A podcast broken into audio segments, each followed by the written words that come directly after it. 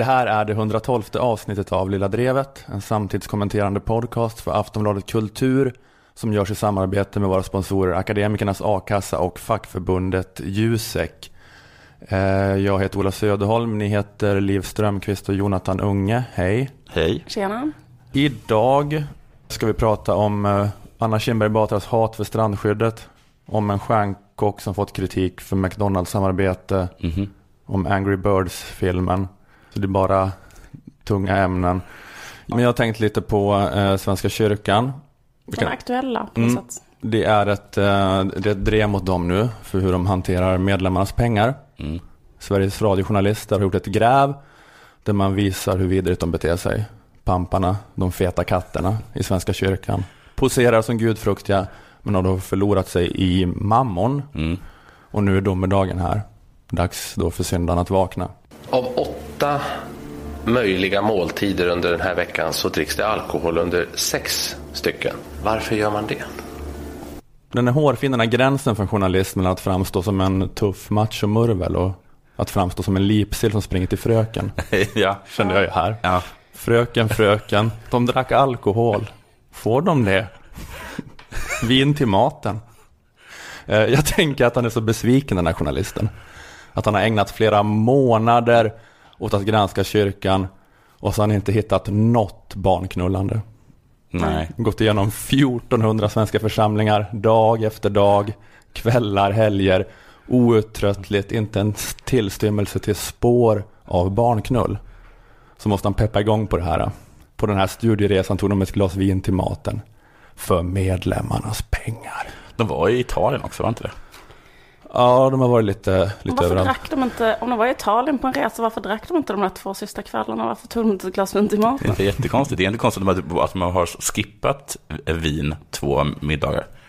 Ja. Italienarna måste ha skrattat åt dem. Ja, det är väl bara... Una Pellegrino. Exakt, det är ju bara att förolämpa den eh, mm. lokala sedvänjan. Mm. Det är ju gravt socialt inkompetent att de inte drack vin två de av åtta dagar. De borstar ju tänderna i vin. Mm. Det gör de.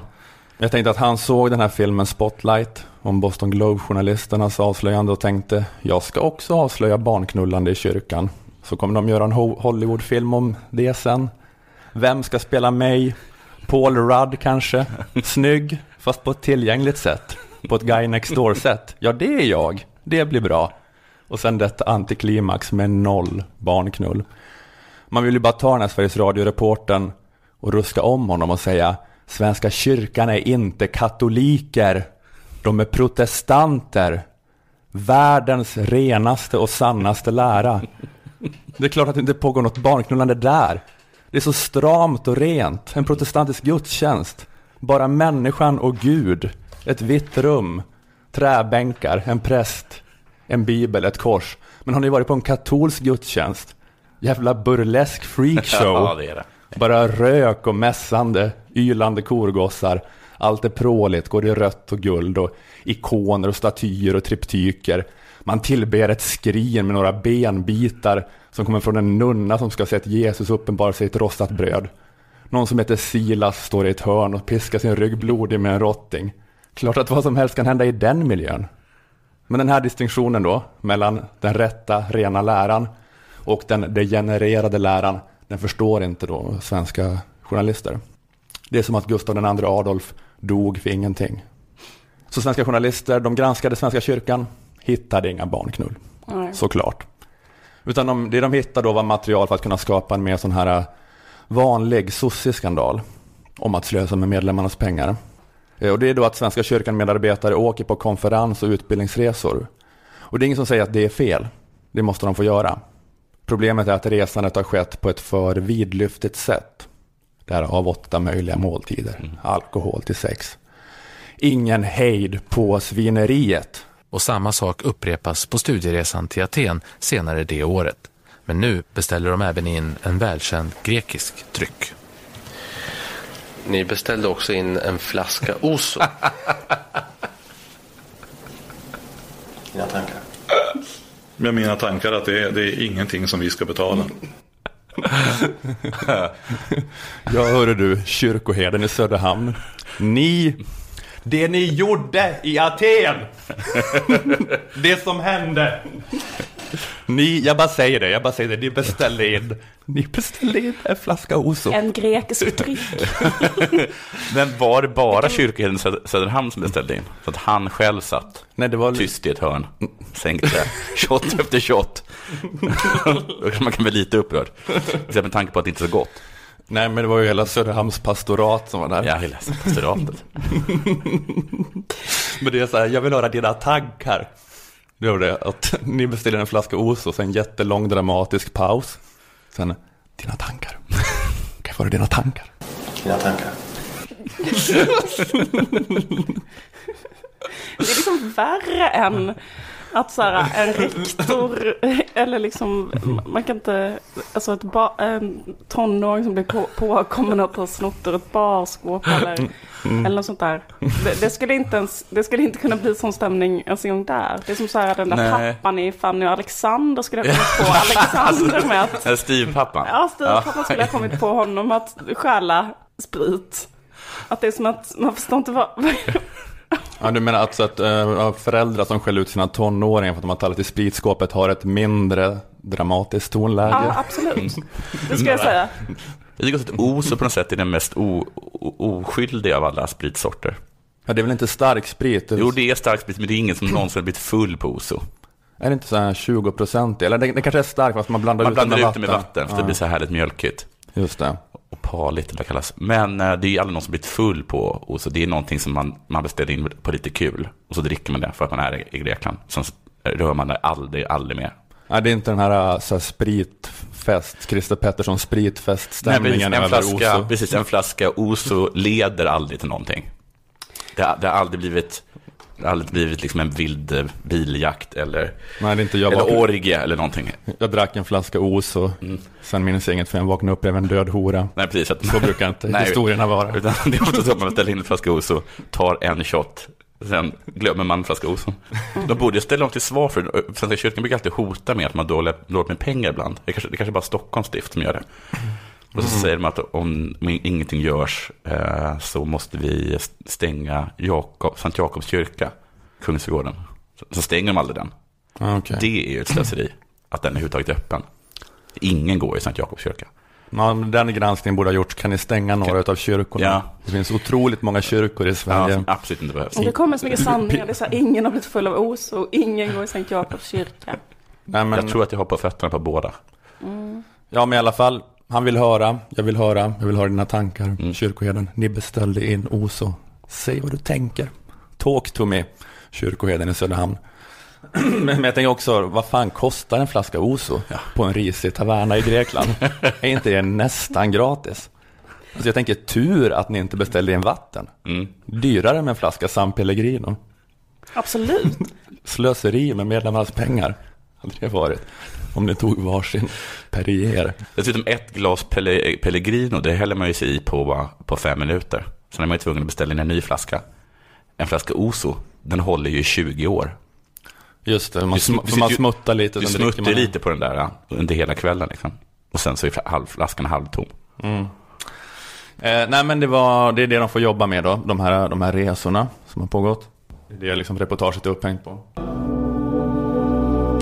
I det här reportaget ska vi granska Svenska kyrkans resor till mer eller mindre avlägsna destinationer. Gillar musiken. Ja men det är anslaget här. Att eh, så här, gör er redo för lite episk journalistik. Extra långt reportage, ta upp halva Studio 1 typ. Där våra grävande journalister med hjälp av ett metodiskt och men samtidigt så här, dramatiskt berättande då rullar upp den här skiten. Eh, Huddinge pastorat hamnar i skottgluggen. Under en slogan “Du är en del av någon annans upplevelse” beslutade pastoratet här i Huddinge för att satsa på en stor personalresa till Malta. I oktober 2014 åkte 99 personer på en femdagars konferens. Mm, de har åkt på konferens på Malta. Eh, en av personerna de då ställer mot väggen är eh, eh Barbro Bergstedt. Eh, hon är ordförande för kyrkorådet i Huddinge pastorat. Och det är ett lite långt klipp här. För de gör den här grävande reportage, konfrontationsintervjun. Då man inte klipper bort någon tystnad. Och snubblande på ord. Utan man ska ha med allt osäkert mumlande och alla nervösa andetag från den äckliga pampen. Enligt Barbro Bergstedt behövdes resan eftersom flera församlingar gått ihop och bildat ett pastorat. Vi ville ha starta med något nytt. Och då var det ju viktigt att eh, man skulle känna det här att man blev, skapa vi-känslan. Vet du vad den här resan kostade?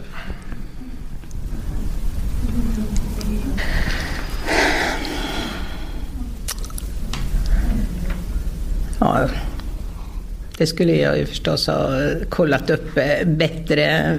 För jag har ju haft siffran Mer eller mindre än en halv miljon? mindre. Men Mindre än en halv miljon. 796 000. den, ja, Men tänkte hon säga mindre? Gud vad billigt. För det tycker jag är rätt ganska billigt.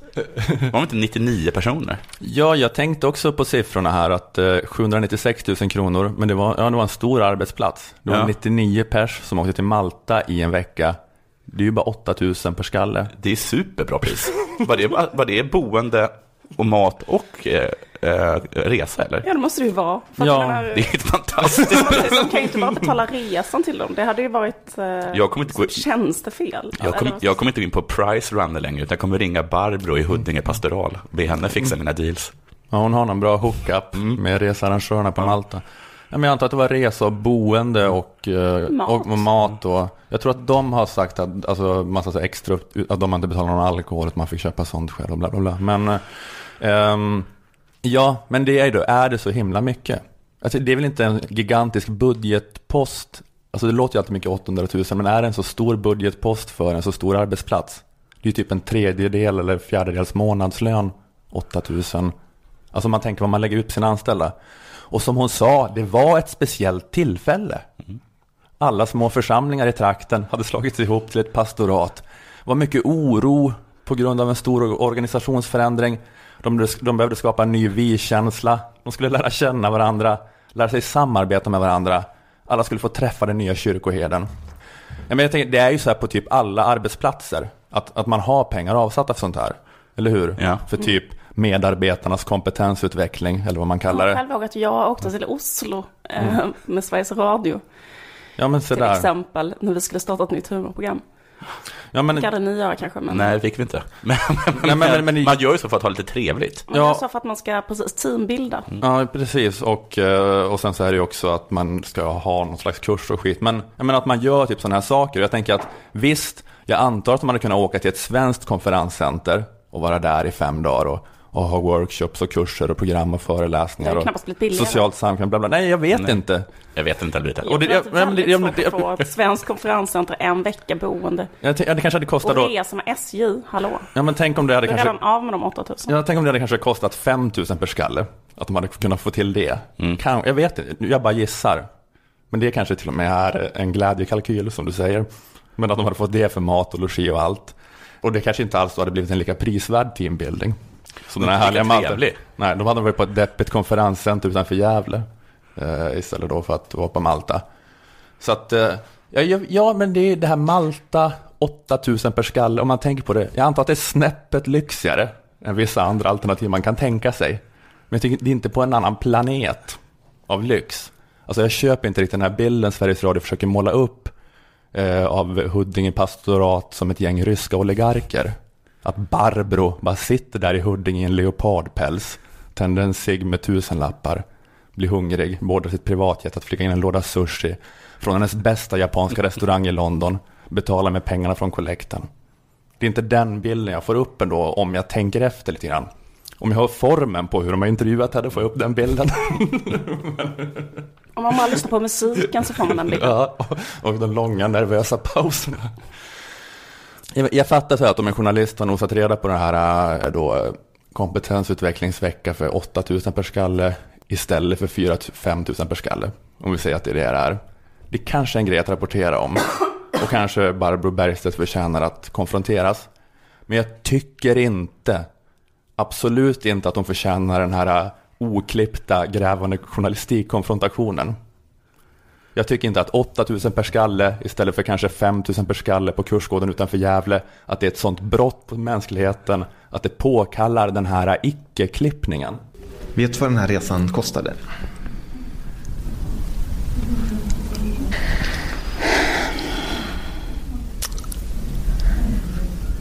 Ja, det skulle jag ju förstås ha kollat upp. Det hade det hade varit mer rimligt så här. Vet du vad den här resan kostade?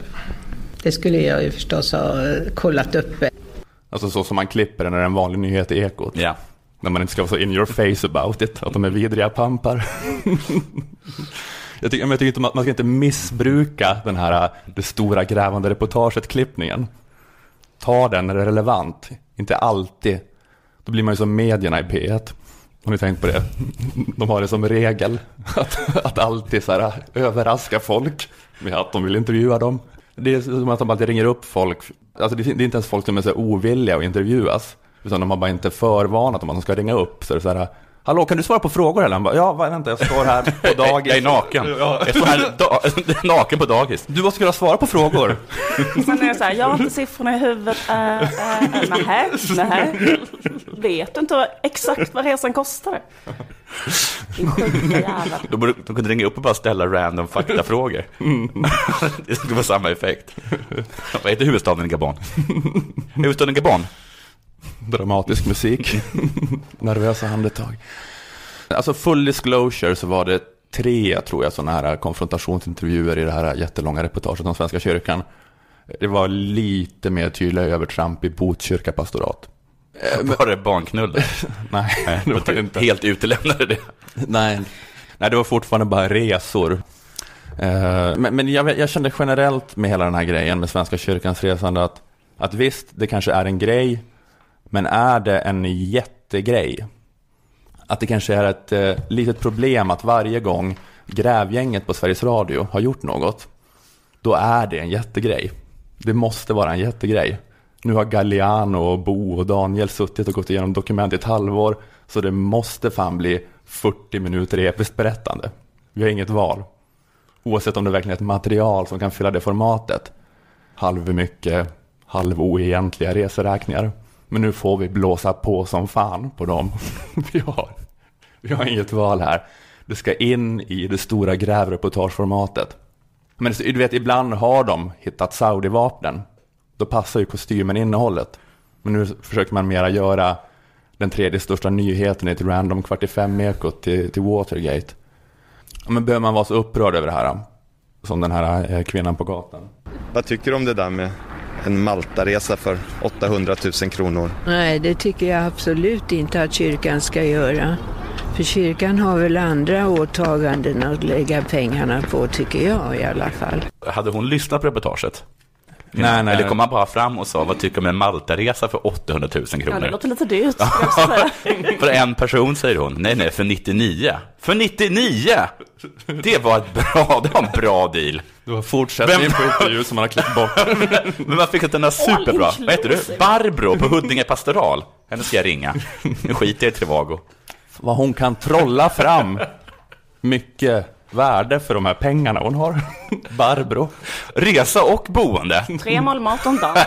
Fika förmodligen. Under konferensen ska jag kunna tänka mig. Två fikapauser. Hon kan trolla med knäna, Barbro. Det borde ha varit vinkeln. Nej, men eh, det, ja, men hon tycker att kyrkan har bättre saker för sig. Det har de som, som, finns säkert något. Som att hålla Sankt Jakobs kyrka öppen.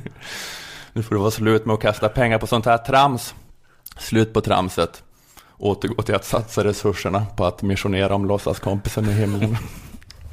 Måste få in en sån pubertal nyateistisk poäng också. Om det, visade sig att de, hade, att de hade konverterat tre stycken malteser, så tror jag att de flesta tyckte att det var värt det. Ja, det är svårt det där att värdera själar i pengar. Inte? Ja. Vad är en själ värd? Men uh, ja, jag, jag undrar om jag... Det kan ju också att det är svårt att bry, inte bry sig för att jag är ju inte med. Trots det här då att jag älskar protestantismen som den Mm. rena och sanna läran har jag Ja. faktiskt gått ur. Det är kanske det som är skillnaden. Då, den här exemplet var också... Till exempel att en grupp har gått på en engelsk liga fotbollsmatch för att jämföra den med en gudstjänst. Vad tycker du om det? Nej, Jag har ju nu bara eh, hört det jag har hört, jag har ingen mer bakgrund till det här. Och som det låter här så låter det aningen långsökt. Det låter en aning långsökt, men så låter det på alla konferenser. Ja, Vi ska nu, vad heter det? köra laser Köra game. laser doom för att, för att personalavdelningen ska komma närmare varandra. Det är något man bara säger när man går på personalfest. Man hittar ju på sådana grejer då. Ja, ja, absolut. Det, det handlar ju om att ha lite trevligt. Ja, det finns ingen arbetsplats i Sverige som, inte, som hade klarat av det här testet kanske. Ja, men det var Antje Jackelén då, ärkebiskopen, som sa att det lät lite långsökt. Sen vet jag att eh, det var ju en Arsenal-match som gick, gick på. Och Barbro i Huddinge pastoral hade ju fått eh, biljetterna för 50 pund styck. Det är ett helt fantastiskt Det går pris. ju inte att det få. går inte att få så billigt. Nej. Ja, gud, vilka kontakter hon måste ha då. Ja. Duktig tjej. Ja. Är det sist, kan, slutkänslan är det. Otrolig människa. Vilket fint reportage det var i, i Hyll- SR En om lång otroligt hyllning. duktig tjej det finns i Huddinge pastorat. Se upp Antje. Kan jag tänka hur jobbigt det skulle vara att arrangera en resa för 99 personer. För jobbigt för många. Men Barbro gör det på en halvvänd. Jag kan inte ens styra upp en parmiddag. Men Barbro. Om de hade skickat dit äh, vet du, eh, Lyxfällan så hade de bara stått och high-fivat Barbro. Eller Just det. hur? Mm. Eller hur? Nu har vi kollat hur mycket pengar ni har. Ni Mm. har supermycket pengar. De pengarna har sköter ni på ett exemplariskt vis. Det är Barbro som hade fått stå och skriva på en whiteboard framför Lyxfällan-programledaren. Ja, just det. Vad deras produktionskostnader var. Vad sa ni att ni la ut på kabelpojken? Jag sköter upphandlingen av det här programmet framöver.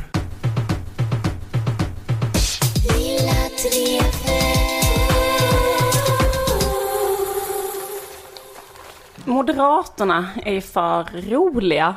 Har ni tänkt på det? Till exempel eh, när de ska komma med eh, förslag på hur vi ska få bort eh, bostadsbristen i Sverige. Det råder ju bostadsbrist i Sverige. Mm. Känner ni till det? Inte kanske direkt för de som kan liksom köpa en bostad, men mest är väl för så studenter, nyanlända ungdomar. Hur ska de få bostäder? Kan man fråga sig. Finns inte tillräckligt. Nej. Men Moderaterna har lite idéer. Varje gång de frågar Anna Kinberg Batra om det så säger hon en sak som jag tycker är så jävla konstig. Men det behövs fler förenklingar om man tittar på strandskydd och detaljplaner. Strandskydd tar hon hela tiden upp. Som att det är liksom en jättestor orsak till bostadsbristen i Sverige. Det är det som förhindrar miljon, ett nytt miljonprogram. Exakt. Ni vet strandskyddet, det är så här, äh, det är liksom en lag som äh, tydligen instiftades i Sverige på 40-talet eller något sånt där. Det är att man får inte bygga 100 meter från strandkanten. Och eh, 300 meter om det är någon så extra fin plats. Och orsaken är då dels liksom att alla då ska kunna använda stränderna för rekreation och inte då eh, bara att man ska, måste köpa en bit strand själv för att kunna vara på stranden. Det är ett skäl. Ett annat skäl är att eh, man vill då skydda känsliga områden för djur och växter. Eh, men för ett par år sedan så tog man bort typ eh, 25% av strandskyddet, så man har redan tagit bort en fjärdedel. Men eh, Anna Kinberg Batra menar liksom att man behöver ta bort ännu mer. Alltså hur, vad innebär det att ta bort en fjärdedel? Att det blev 25 meter, en fjärdedel när- närmare som man fick bygga? Nej. En fjärdedel av alla stränder. En fjärdedel av alla stränder. Ja, så så, så vissa, man vissa stränder får man bygga ända fram till Ja. va- havet då? Ja, det finns kanske redan vissa platser man får göra det. Men det är inte bara runt stränderna, det är också så kanske runt Vänern och Vättern och runt olika sjöar och sådär. Jag vet inte, jag bara tycker det är lite pinsamt. För det är liksom bara som en sån parodi. Alltså jag bara tycker det är pinsamt för hennes skull. För jag tycker det är som en sån parodi på typ hur moderater är. Alltså om man gör riktigt slapp satir så ska man vara så här, liksom enda gången hon eller de då någonsin har liksom kommit i kontakt med någon som har liksom minsta problem med sitt boende. Då är det liksom någon polare som inte får bygga så ett, något jävla båthus eller något, något, någon bastubod eller någon sån här strandstuga. En golfpaviljong, eller hur? Ett annex till sina jaktgevär på någon sån, i någon sån eh, Så det är det de... jättekänsligt strandområde.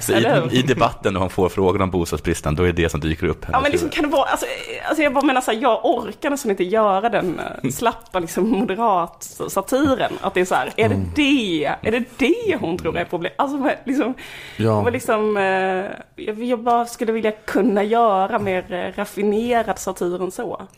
Men, eh, Jag har vuxit upp med att Karl-Henrik inte får bygga ett båthus. och jag hatar det. Och tänker ägna hela min politiska gärning åt att bekämpa det. Eller så här, det vet ju alla att det enda man hör av folk det är så här, vad fan får man inte bygga på stranden för? Varför får man inte bygga ut på sin strand? Det är det jag hör från alla mina vänner och bekanta. Det är det man hör.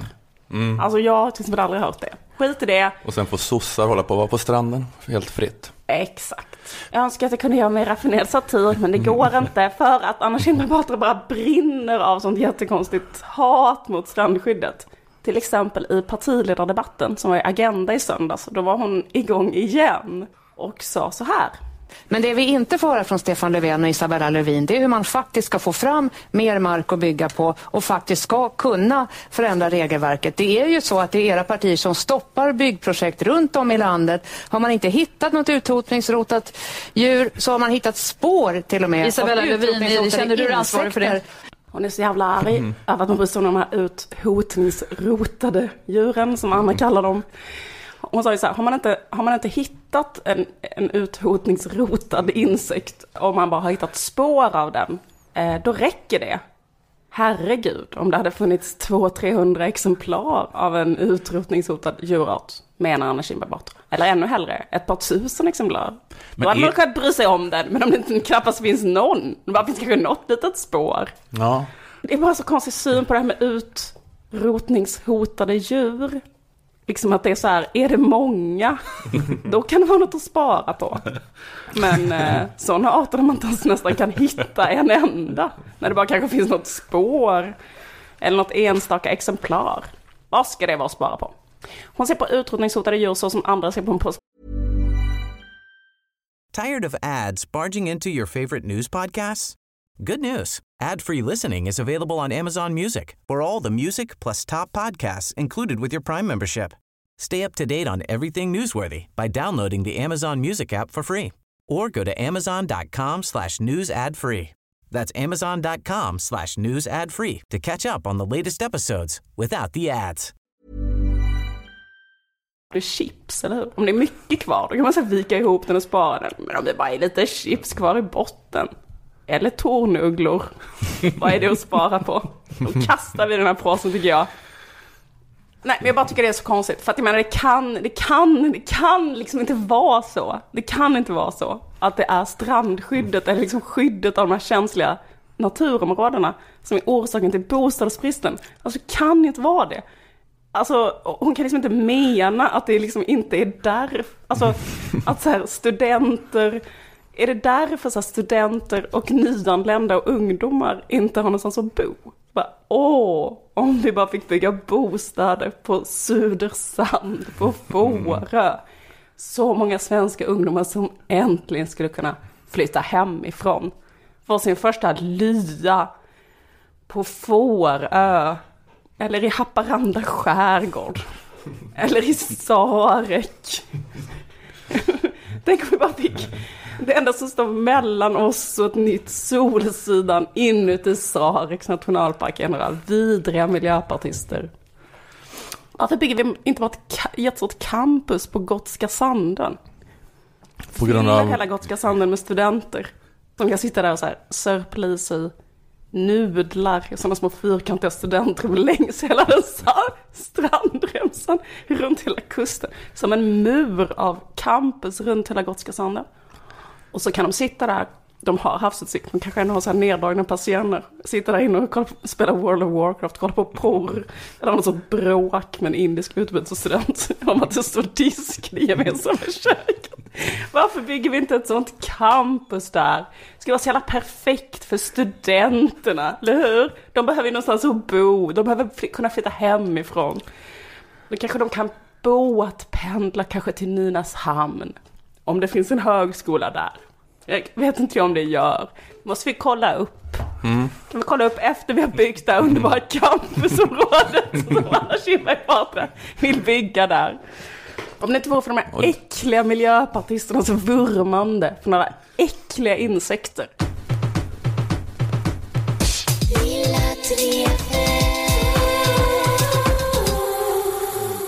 Vi är eh, oerhört glada över våra sponsorer som är med och gör den här podden möjlig. Akademikernas a-kassa och nu även fackförbundet Jusek. Mm. Eh, Tack till er för det. Men framför allt tack för att ni skänker trygghet till alla stackare där ute i prekariatet. Yes. Att vara med i Akademikernas a-kassa kostar 100 kronor i månaden och då får du tillgång till inkomst, inkomstförsäkringen a-kassa. Vilket ger dig upp till 20 000 i månaden om du skulle befinna dig mellan jobb. Läs mer på aa.se och eh, läs på väljaakassa.se för att ta reda på vilken a-kassa som passar för dig. Det är ju bra med eh, akademikerna som du är akademiker. Men eh, det finns ju andra a-kassor också som funkar ungefär lika bra. Förutom a-kassan ska du även vara med i fackförbundet Jusek. Gå med i facket kids, precis som Joe Hill och alla andra coola. Det är inte bara för jurister Jusek. Eh, du ska även vara med eh, om du är samhällsvetare, ekonom, kommunikatör eller jobbar inom HR och IT. En viktig anledning då till att gå med i Jusek är en förbättrad inkomstförsäkring. Eh, a-kassan ger då som sagt en ersättning på 80% av lönen eh, upp eh, till 25 000 kronor. Så Alltså att man får ut 20 000 då. Men de flesta som jobbar i branscher som organiseras av Jusek tjänar ju mer än 25 000. Så det kan bli ett stort inkomstbortfall om man förlorar jobbet då. Men om du förutom a-kassan också är med i fackförbundet och tar del av den inkomstförsäkringen så är du skyddad ända upp till 80 000. Du får 80% av lönen upp till 80 000 kronor om du är Jusek-medlem. Eh, att vara med i både Akademikernas a-kassa och Jusek kostar 351 kronor per månad. Är ni redan med i Akademikernas kostar alltså 251 kronor till bara eh, att, att lägga till. Skriv gärna din ansökan om du tog steget och gick med i Jusek och snedstreck eller Akademikernas a-kassa tack vare den här podden. Skriv det också gärna i sociala medier under hashtag Lilla Drevet. Tack Akademikernas a-kassa och tack Jusek. Tack så mycket.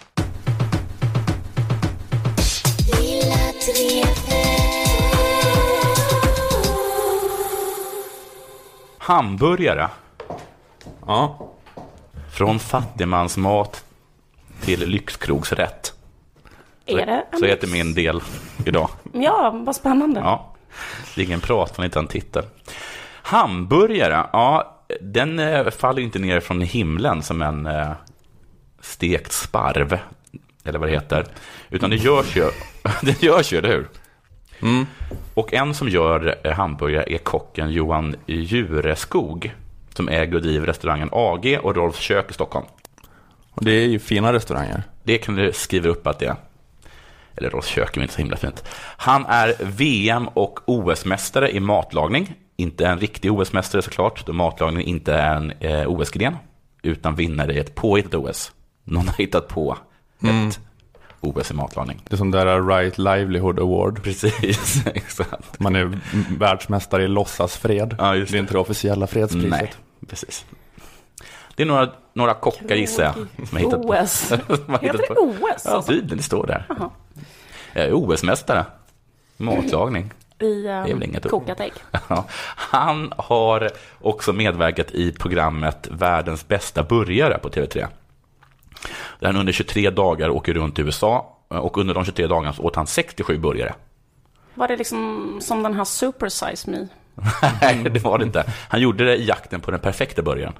Inte i den jakt på den perfekta kroppen. Nej, för så fall misslyckades han. Men det, det, det stämmer att det är en väldigt stark börjartrend att om man går runt på söder i Stockholm och tänker på att alla ställen har slagit igen och Mm. så har det öppnat hipsterburgare där. Detta Eller hur? stämmer. Han letade efter den perfekta burgaren för han skulle ställa upp i världsmästerskapet i burgare. Där kom han inte ens bland de tio bästa. Hans gourmetburgare blev missförstådd. Och det gjorde honom besviken och ledsen. Men sen så sa eh, programledaren eh, Malin Gramer att han borde vara stolt över att han stod upp för sig själv och var trogen sin personliga syn på burgare. Då blev han lite gladare. Vad fint sagt. Ja, helt- Hon är duktig. ja Hon gör ett väldigt bra jobb i Paradise Hotel. Ja. Vidare. Under tiden då programmet sändes så inledde Djureskog ett samarbete med McDonalds där han marknadsförde sin nya McDonalds-kampanj Djureskog på Donken.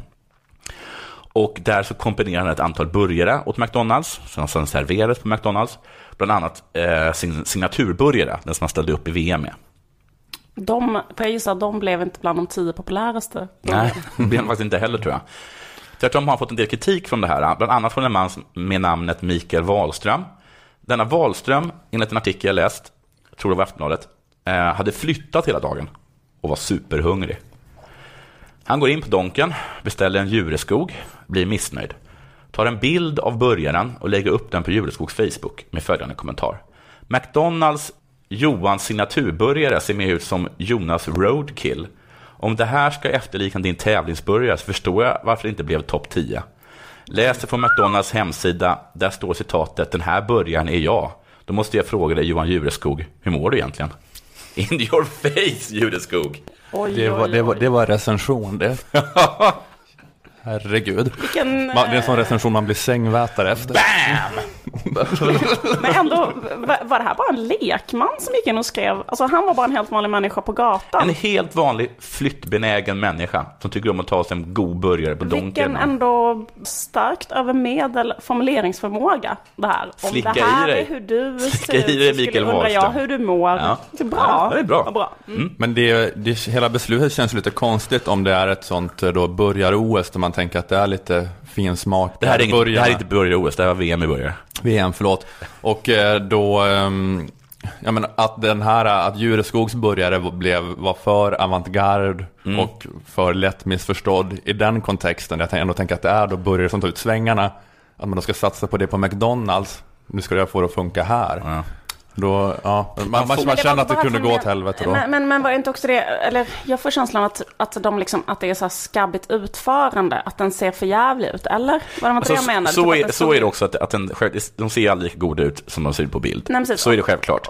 Men och, också och kan jag då att tänka man mig... kanske förväntar sig så här, ja det här ska vara så här gourmetburgare. Och sen så när McDonalds gör det så kanske de måste göra det liksom lite billigare, lite skabbigare och lite fult. Ja. Alltså så blir det inte alls Nej. gott. Precis, han till exempel, Jureskog är en person som gissar jag gillar sin burgare medium rare. Mm. Det går ju inte att få på McDonalds, för då dör du. Just det. Gissar jag. Du kan få den, men du kommer inte överleva. Dö med ett leende på läpparna. Aftonbladet, som är shitstarters av Guds nåde, kontaktade Jureskog för en kommentar. Är jag inte nöjd med min mat, då säger jag det till restaurangägaren eller servitrisen. Jag hänger inte ut någon på sociala medier och smutskastar andra människor. Det är inte jag.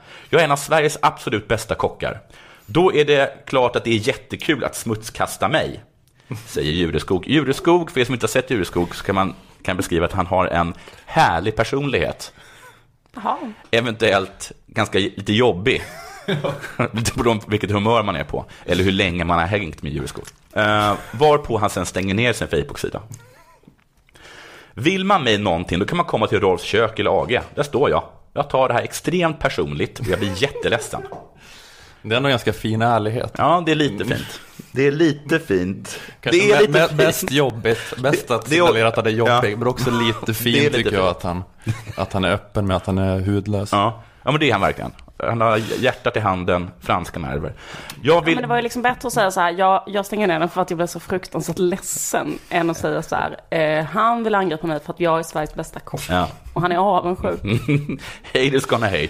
Jag vill leverera bra grejer. Själv lovordar han sin signaturhamburgare. Det är en kanonburgare. Jag har ätit den fem gånger, senast igår, och har varit lika nöjd varenda gång. McDonalds gör ett toppenarbete med det här. Eh, backar inte. Det är också ny trend att man inte backar. Det är kanske bra. Jureskog får också kritik från en av sina kollegor, närmare bestämt Sebastian Baudet. Eh, känd bland annat för att startat bageriet Petit France i Stockholm samt för att ha ett jurymedlem i Dessertmästarna i Kanal 5. Han la upp en bild eh, av Jureskog på sin Instagram med följande kommentar. Det här måste vara ett jävla skämt. Jag tänkte göra fejksvenska. Han är fransman. Mm. Fan också. Vart ligger gränsen på vad en duktig kock är beredd att göra för lite pengar? Älskade AG och Roffes, men sorry, nu tackar jag för mig och väljer att äta mat från kockar med lite integritet. Ja, men sjuk. så, men så han kan inte... Han, han tycker att det är så vidrigt att han har samarbetat han har med sålt sig. till McDonalds. Ja. Så att, även, så att då maten kommer inte smaka likadant på. AGs och Roffes. Även om den fortfarande är samma och är bra. Så är det, känslan är förstörd av att det pågår något äckligt som man ligger bakom någon annanstans. Ja, precis. Som att det känns lite olustigt om, eh, om ehm, pastorn från Knutby kommer ut från köket. Ja, just det. Och frågar, hur var pommes fritesen? Börjar massera henne. Jo, de var väl goda. de var goda. Men Men, förlåt, får jag bara fråga en sak? Ja. Eh, menade han att burgaren var äcklig? Eller menar han, menar han att han är en sellout? Nej, han menar att han är, att han är en sellout, att det är helt sjukt att, att man liksom är en av Sveriges främsta kockar och står och yrar om bra kvalitet och sen går och, och, och säljer sig eh, för liksom en skräpmatskedja. Förstår. Ja. Djureskog svarar på den kommentaren så här. Då skulle du höra vad branschen tycker om dig, din franska pajas. Skaffa info innan du tycker en massa offentligt. Ja, De är ganska känsliga kockar. Eller bara han? Eller? Jag tror att det är kockar i allmänhet, eller som jag brukar kalla dem, primörprimadonnor. Kan jag kalla dem. Vad är det din lilla primörprimadonna? Ja. det är ganska bra sagt. Det är himla känsligt. Jag vet inte om ni såg, eh, när, när, när, om ni kommer ihåg när Leif Ma- Mannerström åkte ur eh, kockkampen i eh, en såsduell. Ja, har du pratat om det här? Jag vet Eller inte, blir jag- vet inte om jag gjort det. Såsen var bea. Eh, och han ställdes mot, fan det var Mattias Dahlgren eller någonting. Och så gjorde han, han gjorde en klassisk rinnig bea, medan eh, Mattias Dahlgren gjorde en mer Gräddig. Mer, Smarig. mer tjock, alltså mer, eh, eh, eh, eh, mer liksom konsistens Mm. i, i den. Och sen så röstade alla, alla på, på den här tjocka bean då.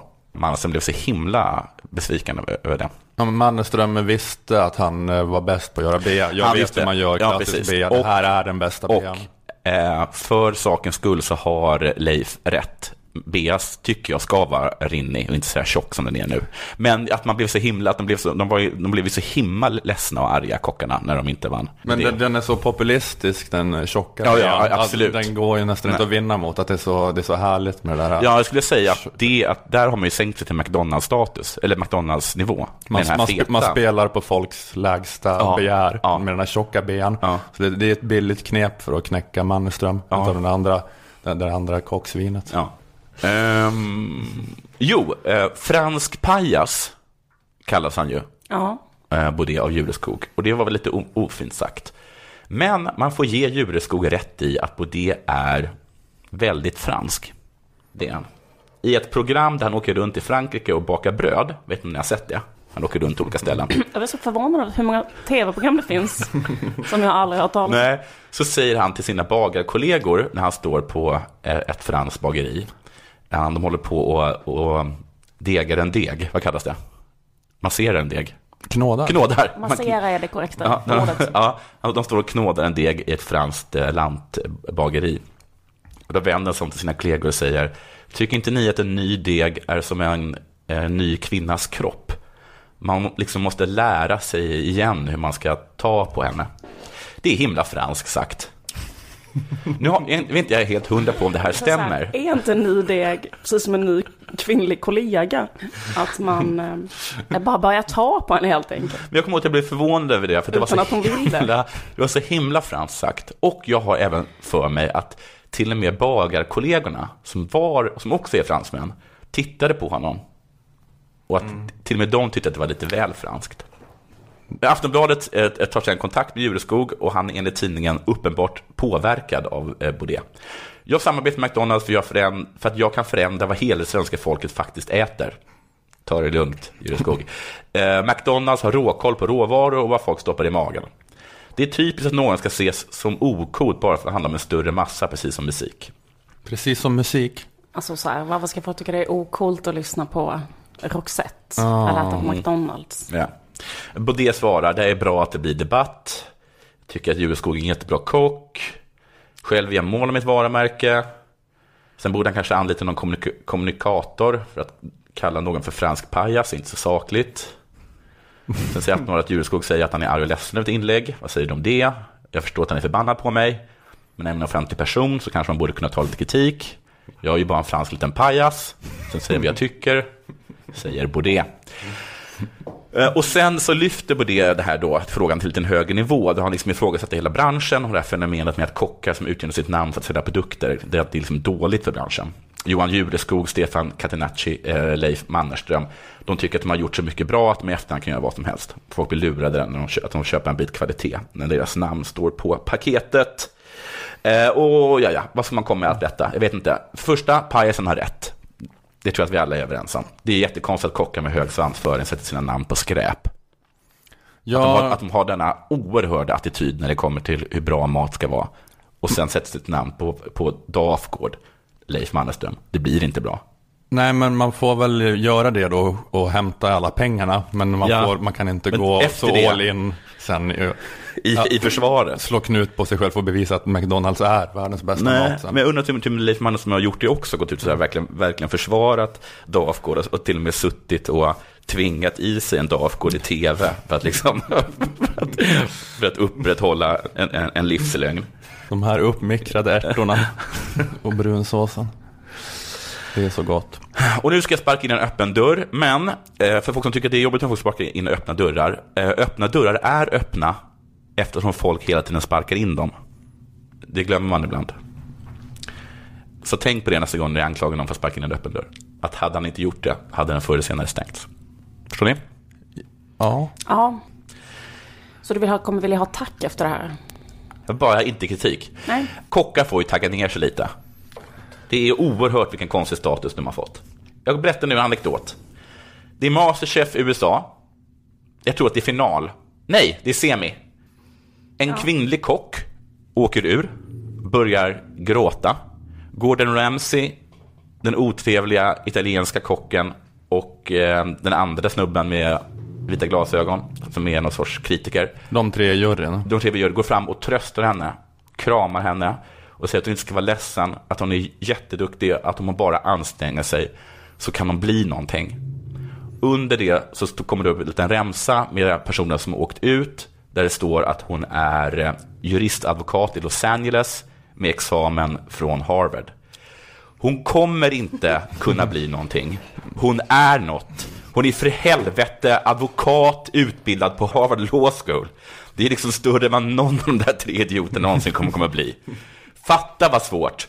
Förstår du hur många som försöker komma in på, vad heter det, eh, Harvard Law School? Att de här jävla kalvskänkorna ska stå och säga åt henne att hon hennes- kan bli någonting. Hennes dröm. Det är ett Hennes dröm, sinnessjukt. Jonathan, var en sån Helt sinnessjukt är det. Kockar, vet du vad de är för någonting? Hette inte alltid kock, för kallas det för mathora. Det var någon som man gav en liten 20 för man inte orkar laga mat. Man gav dem en liten 20. Det är som en städare fast med mat. Jag orkar inte. Här får du en liten 20. Gå, gå och gör lite mat åt mig. Du förstår att den här svansföringen är helt sinnessjuk. Jag var på en restaurang i Uppsala och skulle beställa in en rätt som jag tycker om. Gulaschsoppa. Då sa de att det stod på menyn understruket med tre streck att någon crème fraîche skulle ej serveras. Hör upp, kock, kock, kock, upp, upp. Jag vill ha crème fraîche till min gulaschsoppa. Då tar du din lilla rumpa och sen går du in i köket och så tar du en skål och häller upp lite crème fraîche åt mig som du sätter bredvid eh, min soppa. Ni ska tala om för mig hur min gulaschsoppa ska vara. Ni ska tacka och ta emot den lilla 20 jag ger er. Det får vara slut nu med att se upp till de här. Kock, inget yrke någon ska bli. Det är något man blir om man inte är bra på något annat. Det är en sista utväg. Ja, ja, ja. Du får väl göra mat då. Vad vi ska sikta på, det är att komma in på Harvard Law School. Ja, men det är så här, du lagar mat åt mig. Det är den relationen vi har. Just Då ska, det. ska jag känna mig underlägsen gentemot dig då? Nej. Det verkar ju helt sinnessjukt. Du är att- ju min slav. Ja! Djureskog. Jag ger- dig en liten 20 och sen kommer det ut exakt som jag vill ha rätten. Jag vill ha den genomstekt och jag vill ha crème fraîche på. Och sen ska jag salta den innanför dina ögon. Jag ska inte släppa ögonkontakt med dig medan jag saltar. Jag Så salta, salta. Och sen beställer jag in en stor flaska ketchup. Och du ska vara glad.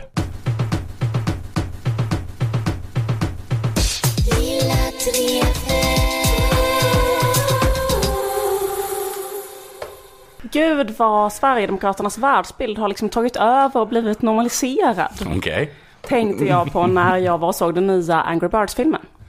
Mhm. Själv. Nej. Ibland måste mamma få unna sig också. Jag behövde lite egen tid, vad är det med det? Mm. Eh, Det var bara så konstigt med den här filmen att det var bara sån eh, klockren counter-jihad-propaganda. Jag ska berätta handlingen jättekort. Eh, Det handlar då om en massa fåglar som bor på en paradisö. Mm. Alla fåglar är så här, s- gla- liksom snälla, glada, bohemiska, så lite mjuka hippietyper. De håller på med pilates och, och bär, går runt med bärsjalar med sina ägg i. Så finns det en fågel som är arg hela tiden, rödis. Och den fågeln är då utmobbad av de här, så här bohemiska, toleranta eh, kulturmarxisterna och får bo utanför byn. Det står också i trailern att i varje civiliserat samhälle finns det en som är utstött. Jag vet, jättekonstigt. En dag så kommer det en båt fylld med främlingar som vill i land på fåglarnas helt underbara ö. kommer något! Va? Vad är det? Hälsningar ifrån grisarnas värld! Herregud! Vad en gris! Vi anhåller ödmjukt om er vänskap. Läge? Välkomna nya vänner! Välkomna nya vänner, eh, säger den här eh, dumma, toleranta hippiefåglarnas ledare. Alla fåglar blir jätteglada. Det kommer nya människor dit, nya främlingar. Alla blir jätteglada utom en fågel och det är den här utmobbade fågeln, Rödis, som istället direkt känner att han hatar eh, nykomlingarna som kommit med båt. Eh, de fyller upp hela stranden. De är många fler än vad folk trodde från början. De bara väller in så att liksom hela den här tecknade scenen ser ut som ungefär den här scenen på de här stränderna på Lesbos i höstas. Eh, Och den här eh, arga fågeln, Jimmy Åkesson, eller eh, Rödis, eh, känner sig extremt misstänksam mot båtflyktingarna och försöker varna de andra. Det är något på gång här. De här grisarna är mystiska och skumma, eller hur? Den sidan av dem beundrar jag verkligen. Jag litar inte på dem. Din åsikt behövs inte! Din åsikt behövs inte, skriker det PK-marxistiska majoritetssamhället till den utmobbade sanningssägaren. Jimmy Åkesson tvingas då slå sig ihop med tre andra utmobbade aggressiva killar på den här ön, så de blir fyra stycken. Oj, vad likt. De fyras gäng alltså. Exakt. Och självklart så är det inte lång tid innan den här kvart kvartetten av arga fåglar, Jimmy, Björn, Rickard, Mattias, eh, får rätt om båtflyktingarna och deras skäggiga ledare faktiskt. Eh, De visar sig ha alla sina båtar fullproppade med pyroteknik, spränger hela fåglarnas ö i ett jättestort terrorattentat. Oj, gör de? Eh, japp. Men jag- Spoilervarning. Ja. Slutar ändå lyckligt med att kvartetten räddar alltihopa, Ja. besegrar grisarna. Och Rödis, denna sanningssägaren, blir insläppt i gemenskapen, i den politiska värmen, i en oerhört symbolisk scen, slutscenen. Då har alla fåglarna gemensamt flyttat hans hus. Alltså de tar Jimmy Åkessons hus och flyttar in det i mitten av gemenskapen. Från Sölvesborg. Mr Red, welcome back to the village.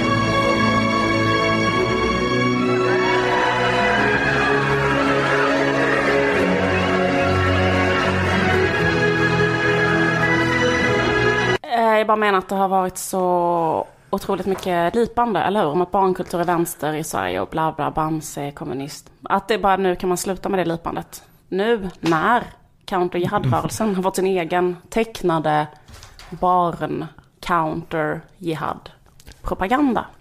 Men eh, du måste ju gå med tåget, eller? Ja, jag måste ringa på en taxi nu. Ja, okej. Synd att eh, vi måste Hetsa bryta, bryta den här, det här Angry Birds-fabeln som vi hade kunnat nysta mera i. Nej, Och komma fram- och jag komma- tror att det inte var, jag tror inte det fanns så mycket mer. Jo, jag tror att vi hade kunnat resonera kring det här och, och kunna säga lite eh, kärnfulla och smarta saker om, om tidsandan. Men nu hinner vi inte det. Jag måste hinna, skynda mig till tåget.